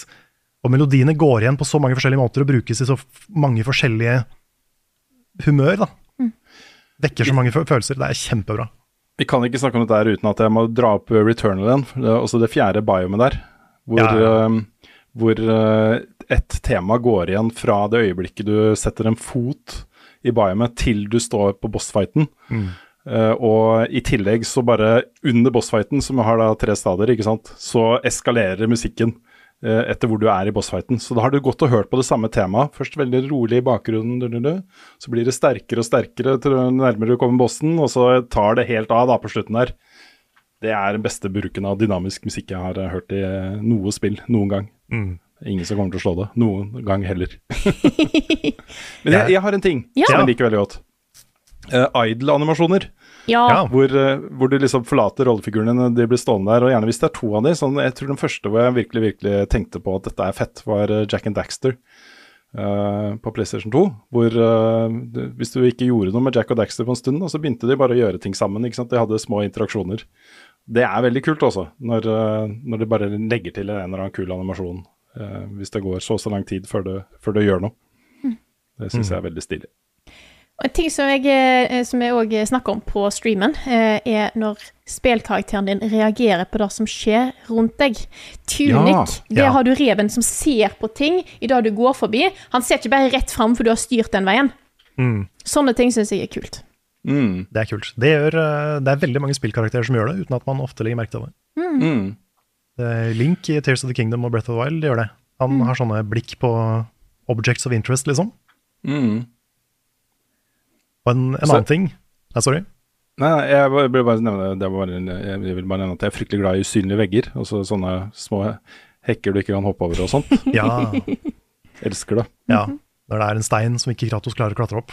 for eksempel. Mm. Uff. Men øhm, jeg liker også veldig godt spill hvor du kan plukke opp sidequests, og så viser det seg at du har gjort den alt, så da kan du bare få belønninga med en gang. Ja, det er fint. Det er fint. Ja. Det er skikkelig fint. Ja. Det er sånn I already went to that cave and I got this. Oh, thank you. Here's 500 Ikke sant? Det, det er sånn yes. Jeg slapp å gå tilbake. Jeg kunne bare, jeg kunne bare få det. Mm. Det er mye bra ting i spill, altså. Er det? Er det? Skal vi ta et spørsmål til, eller skal vi runde av nå? Jeg har et par kjappe, hvis Ja, jeg da kan. tar vi det. Ja, kjør på. Kjør på. Ja, Jeg, bare første jeg, jeg vet bare- at du må dra, skjønner du, så jeg ville bare være ja, sikker ja, på at jeg ikke nei, Så lenge vi er ferdig nå et øyeblikk, så går det fint. Herlig. Men jeg vil bare nevne det. Det er fra Bleddo, som eh, på Discord-serveren her, som lurer på om noen som har fått med seg storsnakkisen Shogun. Den ble jo en ny TV-serie, da, Shogun, basert på boka. Uh, kommer jo denne uka her på Disney Pluss. Jeg har ikke fått begynt på den ennå, men den står øverst på lista mi nå, nå som jeg er ferdig med Mr. og Mrs. Smith. Så skal jeg få sett eh, Shogun. Jeg husker jo Jeg er jo så gammel at eh, da den forrige Shogun-serien gikk, med Richard Chamberlain i hovedrollen på 80-tallet, så var jeg 100% investert i det. Det var det feteste som gikk på TV. Um, og gleder meg kjempemasse til til å se den serien her. Dette foregår jo i Japan. På den tiden hvor det var ingen vestlige der, bortsett fra én, da. Som er hovedpersonen i den serien her. Det er, det er veldig kult. um, ja, jeg, liker historien godt og gleder meg til å se den på nytt. Og så var det en fra mm, Skal vi se om jeg finner den. Uh, ja, fra Tom Erik Nesse. Hei sann, folkens. Men dokk, Pacific Drive, da? Altså hallo, så klart Pacific Drive og Pacific Drive, da, vet du. Men mest Pacific Drive. Hva tyks okidoki? Love you guys. og Håper på en fin helg til dokk. Det var en veldig fin, uh, nord, nord, nordlandsk, nordnorsk eh, på meg der. Eh, jeg vil bare ha nevnt det. Jeg har jo snakka masse om Pacific Drive gjennom vinteren, og spilte demoen. Superhappy, likte det kjempegodt, har gleda meg til å spille det. Og så kom det jo samtidig med Balatro og et par andre ting som eh, tok litt prioritet, da. Men jeg skal vende tilbake til Pacific Drive, og kanskje, kanskje stream. Kanskje dette er noe jeg gjør på stream, hvis jeg får en lomme til det.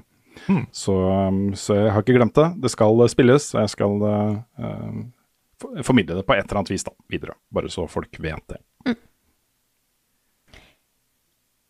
Har vi tid til siste et? Ja. Ja. Ja, greit, supert. Nei, For Vi har fått inn så mye gode spørsmål denne uka, og det er så kjekt å se. Det var kjekt å se at det er så mye nye navn på Patron. men jeg tar et spørsmål her fra Fredrik, som skriver Hei, jeg så noen på Økeren i går som så veldig kjent ut. Etterpå kom jeg på at det var jo Rune og Carl. Etter å ha hørt på dere over så mange år, får man litt følelsen av at vi kjenner dere godt, selv om det ikke går andre veien. Er det, en, er det rart å tenke på at mange dere aldri har møtt, har et personlig forhold til dere? Jeg antar Det er jo litt sånn sprøtt, da. Vi har, vi har ikke altså er, Vi har mange Patreon-backere. Men det er sammenligna med hvor mange mennesker som bor i Oslo eller i Norge, så er det jo en ganske liten prosentandel. Det er ikke en promille engang. Langt under det. Men uh, når vi møter folk som ikke bare vet hvem vi er, men som også backer oss på Patreon, tydeligvis, da. Det var jo et par stykker som stoppa oss og ville ta bilde når vi var på Økeren i går. Uh, det er liksom så sprøtt å tenke på, den tilfeldigheten. At de både vet hvem vi er og er backer oss på Patreon. Det er ikke Ja. Mm. Oddsene for det er ganske um, høye, altså. Så um, ja. Ja, det, er ikke, det er ikke sånn hverdagskost for oss, for å si det på den måten. Det er, eh, vi, vi, har et, eh, vi, vi har et veldig hyggelig, men et veldig nisje publikum. Mm. Um, og det hender jo at vi blir gjenkjent, men det er ikke sånn hele tida. Men det er, det er alltid bare hyggelig når folk kommer bort og sier hei. Ja, det har i skjedd mange nok ganger til at jeg ikke har lyst til å bare grave meg ned, for jeg er så flau over å være i en sånn situasjon på gata, liksom. Nei, Nå syns jeg bare det er hyggelig. ja. det er bare hyggelig. Men det er, det er jo alltid også litt Altså konseptet kommer alltid til å være litt rart. Mm. Det at man møter folk som liksom vet hvem du er og har hørt på deg og har et forhold til deg, som kanskje ikke du vet hvem er, da. Jeg satt jo på møte med eh, de, de jeg jobber med i NRK, i kantina i NRK, og smilte til Linn Skåber, Ja. som jeg aldri har snakka med. og hun spilte tilbake, hun. Ja. Så ja. Ja, det er hyggelig. Nei, men det er jo hele den der parasosiale internettgreia er jo veldig rar og fascinerende. Og, Mm. og sånn. Eh, Kjæresten min tror jeg syns det er enda rarere enn meg når det kommer noen bort. At det er sånn derre folk, folk, eh, folk vet liksom Folk har sett deg på internett og sånn. For henne så er det kjemperart. Og det er jo fortsatt rart for meg, men, men det er alltid hyggelig. Det er, Mm. Hvis det er kleint, så er det fordi jeg har vært klein. Mm. Og jeg er ofte klein, så det er liksom Det er ofte Hvis jeg har hatt en noe annet enn en bare hyggelig opplevelse, så er det fordi jeg har følt at liksom Hva skal jeg si? Skal jeg begynne å spørre? Skal jeg Det er sånn Den situasjonen har liksom ikke noen sånne åpenbare sosiale regler. Mm. Så jeg er litt sånn Jeg kan snuble, snuble meg litt gjennom en sånn interaksjon. Men, men da, er det, da er det min skyld, og ikke noen av de som kommer bort. Mm. Så vi får jo alltid spørsmål er det greit å komme bort og si hei. Ja, det er kjempehyggelig. det. kjempehyggelig. Det er bare hyggelig. Og det er superhyggelig. Det, er, det, er, det mener jeg helt seriøst også. Det er hyggelig. Det er, um, vi, er- det, dette er sånne ting som vi sier en del, men som, uh, som er veldig sant. da, Og det er jo at vi Vårt community er veldig viktig for oss, og vi føler oss som en del av det, og som, uh, som at vi er sammen om noe. eh, Med de som, både de som backer oss på Patreon og de som kommenterer ting, og de som uh, ser på tingene og hører på tingene vi lager. Um, og det, da når vi blir uh, kontakta på den måten, da, så blir vi på en måte inkludert i det der også. Altså, Vi er sammen om noe. Alle de andre som står og venter på bussen, de skjønner jo ingenting. De aner jo ingenting om det, men vi vet, ikke sant. Vi vet hva dette handler om. Det er en litt sånn kul følelse. Det er sant. Det, var, det har skjedd et par ganger at noen har kommet bort til meg litt sånn i fylla og sagt at 'nå skal du høre hva jeg ikke liker med level up'. Det, det, er, ikke, det er ikke like hyggelig. Det er ikke like gøy. Det er det, er det eneste. Det er kanskje ikke like, like koselig. Jeg sto på, og tissa på et utested i Oslo for mange mange år siden. Da personen ved siden av bare 'Er ikke du han derre?' og det er heller ikke så gøy, da. Nei, akkurat på, akkurat på do. Men nå står de med greia i hånda og Ja. sånn, liksom, da ja. Mm. kan vente. Vente til. Vente til man har vaska hendene, kanskje. Ja, ikke sant. Åh, nei, men da tror jeg vi runder av. For nå må jeg, eh, nå må jeg spille Rebirth. Ja, det må du. Ja, Det må du. faktisk. Så enkelt er det. Jeg skal på panelsamtale om Ibelin på Cinemateket. Jon Cato ordstyrer. Det, Nice. for første gang jeg så den, så satt jeg ved siden av Jon Cato med armen i kors og prøvde å holde det tilbake. Ja. Være en sånn tøff mann. Mm. Ja, men det blir nok en veldig bra, eh, veldig bra panel. Jeg, eh, håper det. Det blir det. Garantert. Men da eh, sier jeg at dette her er podkasten Level Backup utgitt av moderne medier. Låten i introen og outroen er skrevet av Ole Sønnik Larsen og arrangert og framført av Kyoshu Orkestra. Og vignettene er lagd av fantastiske Martin Herfjord. Hvis du syns denne podkasten her er kul og skulle ønske at du kunne høre den live, da kan du da! Eh, Rune, du har the dates. Ja, har jeg det? Ja, jeg håpte det. Det var Neste ja. eh, 21. mars, var ikke det den første? 21. mars da er en torsdag. Da er jeg i Oslo. Da blir det live Level Backup. Mm, og Det det, blir, vi, vi kommer til å ha litt sånn kult opplegg på det. det vi, vi tenkte at det skulle være sånn, i hvert fall første halvtimen er eh, eksklusivt for Patron. Kanskje vi poster et bilde av en, et dyr på Patron-siden vår f.eks., som vi må vise i døra for å kunne komme inn. Oi. Um, og så kanskje, kanskje jeg skal bake kake, eller noe sånt. Oi. Ja. Det er ta legendariske sjokoladekaka di. Ikke sant? Ja. Og så har vi det litt hyggelig sammen da, vet du, før, eh, før resten kommer. Ja. Før Bermen kommer. Ja. Du, du kommer bare inn hvis du sender oss en faks av Level Up Laman. Ja, ikke sant. Men fordelen er jo også da, da får vi muligheten til å tilby de beste plassene i lokalet til de som backer oss på Patron, ikke sant. At man uh, kan velge en plass man er komfortabel på. Uh, og så blir det kanskje noe sånn live Let's Play eller et eller annet sånt, en times tid. Og så blir det uh, liveinnspilling av podkasten vår da, etter det. Så det blir en eh, helaften. det kommer til å bli kjempebra. Eh, jeg tror neste på programmet er vel 4. april. Da um, Det er jo en torsdag. det det, er det også en torsdag? Yes. Eh, første torsdag etter påske. Da får dere pinadø også se både Jon Cato og Snorre Bryne og meg i uh, en helt, helt nytt konsept. Uh, en slags pilot. Vi skal sjekke ut om det er noe. Er det noe? Eh, at eh, vi gamle gutta sitter og eh, snakker om gamle dager. Vi eh, eh, har vel snakka litt om at kanskje GTA 3, lanseringen av GTA 3 er et perfekt sted å starte. Så da skal vi sitte og nerde da, med historier fra, eh, fra lanseringen. Eh, hva som skjedde i Norge og resten av verden da det spillet ble lansert. Det er jo en veldig viktig utgivelse i historisk eh, sammenheng, men også en anledning da, til å nerde litt om, eh, om eh, norske spilljournalistmiljø. Eh, og hvis eh, du ikke husker eh, Snorre Bryne, han var jo da spillansvarlig i Dagbladet, mens jeg var spillansvarlig i VG. Og vi var erkefiender, men også veldig gode venner. Og Jon Cato trenger ingen nærmere introduksjon, tror jeg, men, men det å samle oss tre sammen på den måten tror jeg blir dritkult. Og jeg har snakka med flere. Jeg har snakka med Carl Thomas, som mangeårig redaktør av Game Reactor og også programleder i Level Up. Eh, Jeg snakka med Kjell Gunnar, som driver Tilt, som jo definitivt har vært en del av den spillkulturen her over veldig mange år. Eh, og det er mange andre også som jeg kan tenke meg å snakke med. Thomas Marinowski, Martin Sivertsen, IT-avisen. Uh, Maren Agdestein, som var mangeårig uh, spillanmelder for Natt og Dag. Og hente de litt eh, opp igjen og, og um, nerde om gamle dager, er konseptet, da. Ja, Det er- sp spill gamle dager spesifikt.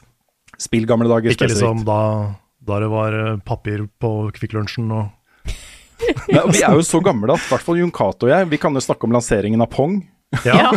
men, det, men det er jo altså sånn som alle de E3-ene som ikke ble livestreama, Ja, det er som dere var på, ikke sant. Ja. Dere, dere har jo sikkert 100 sånne historier. I hvert fall minst 100 sanne historier. Ja. Dette er en podkast jeg gleder meg til å høre. Sånn Jeg gleder meg sånn til å bare være der. Ja. Være der og være med, med på den. Det er øh, det, Ja, jeg tror det kan bli dritkult. Jeg skal Det var, var det 4. april jeg sa på den? Du sa 4. april. Jeg skal prøve Ja. å få det med meg. Ja. Selv om jeg flytter dagen etterpå. ja, så kommer det to ting til da, eh, i april eller mai. Eh, datoen er ikke helt spikra ennå, men vi tror eh, en av de blir i slutten av mai. Hvilken dato var det du satte opp der, Eh, 30. mai er en torsdag. Det er en mulighet. Vi har måttet flytte litt på ting, eh, sånn at Mm. jeg vet vi har presentert litt flere datoer før, men ting er ikke helt spikra. Men de første to der, eh, altså den 21. mars og den 4. april, er spikra. Ja, det er spikra. Ja. Det blir noe, og det blir, det blir bra, altså. Det er jeg helt sikker på. Eh, Yes. For øvrig, da, den podkasten med Snorre og Jon Cato, vil det være samme greia, da. Halvtime, minst en halvtime eh, for Patreon-backere først. Og så er det gratis inngang og sånne ting. Kan jo nevne da at vi eh, tror det blir sånn at hvis du er under 18, så kan du være med i følge med en, eh, en voksen. Eh, du får ikke tilgang til resten av lokalet, men eh, i hvert fall til det rommet, da. eh, der hvor det vanligvis skjer sånne ting eh, på siden der. Mm. Så ja. Hvis du er født etter det som er tema for episodene, så må du komme med en voksen. Ja, ikke sant. Ikke sant, ikke sant. Ja, det kan hende at kanskje akkurat den der eh, old school, eller eh, hva vi skal kalle den, jeg vet ikke helt. Kanskje dem bør ha et norsk grense uansett. det er litt sånn, Ting var annerledes back in the day. Ja, ikke sant. jeg har hørt, hørt deler av den historier, i hvert fall. Ja, det er jo folk som, eh, som eh, er, eh, følger med på ting vi lager i dag, som ikke var født engang da Snorre Bryne ga seg som spilljournalist i Dagbladet. Ja, ikke sant? Høy, blir det høytlesning av Lula 3D-anmeldelsen? og- For eksempel, for Ja, eksempel. for eksempel. Ja, Ja, kanskje, kanskje la barna være hjemme. ja, kanskje. Hvis du liker det vi lager, så gå inn på youtube.com slash levelupnord, twitch.tv slash levelupnord, og TikTok at levelupnord har jeg funnet at den heter nå. TikTok slash at levelupnord, tror jeg adresse Ja. er. Det slash Ja, TikTok. at? Nei, nei, ja, tiktok.com slash at levelupnord. Ja, sånn slash skriver du adressen. Ok, slash at den, ok. Skjønner. Ja, for det, jeg ble litt forvirra, for jeg prøvde å finne ut hva URL-en er, men det er tiktok.com slash at levelupnord. Ja, du kan bare søke på hashtaggen Level Up nord eller Level Up Norge også. Alle innleggene jeg har lagt ut, har den hashtaggen. Så det er, lett, det er lett å finne oss på TikTok. Nice. Eh, hvis du ikke fikk med deg eh, livestreamen vi hadde eh, i ei uke, så ligger opptakene på Twitch. Så gå inn på tidligere sendinger der, så finner dere alt sammen, inkludert pilotene vi viste. Hvis du syns det vi lager er kult og verdt noe som er verdt å skal fortsette, så gå på patreon.com slash levelupnorge og støtt oss der. Eh, tusen takk til alle dere som gjør det, som har hoppa inn under ukestreamen. Eh, dere er fantastisk flotte folk. Eh, og vi gleder oss til å høre hva dere syns om pilotene, så følg med. Nå kommer snart undersøkelsen. Den er nesten ferdig. Mm. Eh, tusen takk til dere, alle dere som støtter oss. Uten dere hadde vi ikke vært her. Dere er en fantastisk gjeng, og det er så hyggelig community, og det mener vi virkelig. Det er altså så gøy å lage, Ja. eh, lage innhold og ha dere som en del av gjengen. Apropos, tusen takk for eh, mye hyggelig tilbakemelding på den eh, Pokémon Trading Card Game-videoen som Svens og jeg lagde. og Nick. Nick var kameramann. Ja. Det, det, er, det er gøy å liksom Det er gøy å se folk bli gira på når man gjør nye ting. Mm. Ja. Og det var skikkelig dårlig lyd, og det er mye som var gærent med den videoen, men jeg setter pris på at liksom folk likevel fant noe å, å like der, da. Mm. Så tusen takk. Det er alltid veldig hyggelig med, med tilbakemelding på nye ting. Mm. Hopp gjerne innom på discorden vår, discord.com slash levelupnorge, hvis du vil ta eh, del i der ting skjer. Er det Eh, ikke discord.gg? ja. Jo. Ja, for du sa .com. Ah, shit. Nå er jeg helt ute av spillet min. Discord.gg discord slash levelupnorge er det. Yes. Så eh, det, jeg tror jeg aldri har sagt .com før der. Nå er jeg veldig forvirra. Dette var en veldig Mm. rar mm. avslutning. Hvem er jeg? Hvor er jeg? Hva skjer egentlig? Det er for mange, det er for mange urler. Ja, det er Ja. litt mange. Og En ny URL er levelupnorge.myspreadshop.com. Der kan du få alt av det nye designet vårt, med nye logoer. Du kan få sånn kul bag med logoen på. Jeg, For jeg, tror, jeg tror det er .no. Levelupnorge.myspreadshop.no. Det er altså, eh, riktig Nå, adresse. nå har dere satt meg helt ut her. Mm. Ja, det er- TikTok som ødela. TikTok som ødela. Ja, Bare det for å avlede oppmerksomheten litt, da. Jeg har lyst til å nevne at, uh, at uh, vi har blitt invitert på et event i Stockholm, arrangert av Mandai Namco. Namco, hvor uh, vi faktisk da har muligheten til å uh, personlig overlevere fra Nick, hvis han er villig til å dra, en T-skjorte med 'Dette er the good shit' til mannen som skrev det på den Ja, som la inn 'dette er the good shit' på eh, annonsen. Åh. Jeg håper han syns det er gøy, for vi syns det er veldig gøy. Ja, det hadde vært kjempegøy. Bare, bare, glem all der skrekken du har for fly og sånt, uh, og reise aleine. Nick, bare gjør Vi vi vil gjerne gi av den T-skjorta. Ja. Det, er- det, event i seg sjøl betyr ikke så mye. Det er bare å få Nei. overlevert T-skjorta. Ja. du trenger bare å filme en 15 sekunders video hvor du gjør det, og så kan du dra hjem. Ja. jeg sendte jo en, kopi, en link da, til uh, det designet til, uh, til han. Og han uh, svarte bare ha-ha, et mistak om han er skyldig til et meme for all fremtid. Ja. det er veldig morsomt. Takk skal du ha, Bengt. Du Ja. har uh, faktisk bidratt med content til uh, Level Up Norge. det, Det er veldig bra. Bengt, Bengt er en hyggelig fyr også. Ja, Ja, ja. Utrolig hyggelig fyr. Mm. fantastisk fyr. Nei, shoppen vår det har masse, den har masse nytt eh, kult. Jeg har eh, blant annet bestilt meg, jeg glemmer til å få, min eh, Frerith Slam Dunk-T-skjorte. Ah, nice. Eh, den skal jeg ha på meg så snart den kommer, og mens jeg spiller Final Fantasy. Jeg føler den, den komboen går hånd i hånd. Nice. Absolutt. Mm. Du får klistremerke, du får eh, veske, du får T-skjorte og hettegensere til hele familien. Eh, du kan jo få både barnestørrelser og opp til voksen, så det er bare til å slå seg løs i shoppen vår. Jeg, kan, jeg må nevne en ting der også. Yes! Eh, Fordi, fordi jeg kjøpte jo hettegensere til begge kidsa. Mm. Og den ene var feil størrelse. Og så tenkte jeg ok, hva skal jeg gjøre med den da? Og så er det jo sånn der, Vi er jo ansvarlig for 17. mai på skolen nå, og der trenger du gaver eller sånn ting til lotteriet, ikke sant. Så nå er det eh, kjempefin hettegenser. Eh, level up hettegenser med level up logo kommer til å bli lodda ut, eh, håper jeg da, hvis de vil ta den imot. på eh, på Rustløkka skole. Det blir fint. Ja, Vi får se hva de, hva de syns om å ta imot merch. Og med det så takker jeg for eh, denne uka her. Takk for at du hørte på denne episoden av Level Backup. Og så snakkes vi igjen neste uke. Og da skal jeg snakke om Final Shoe Fantasy 7 Rebirth. Og jeg skal snakke om Balatro.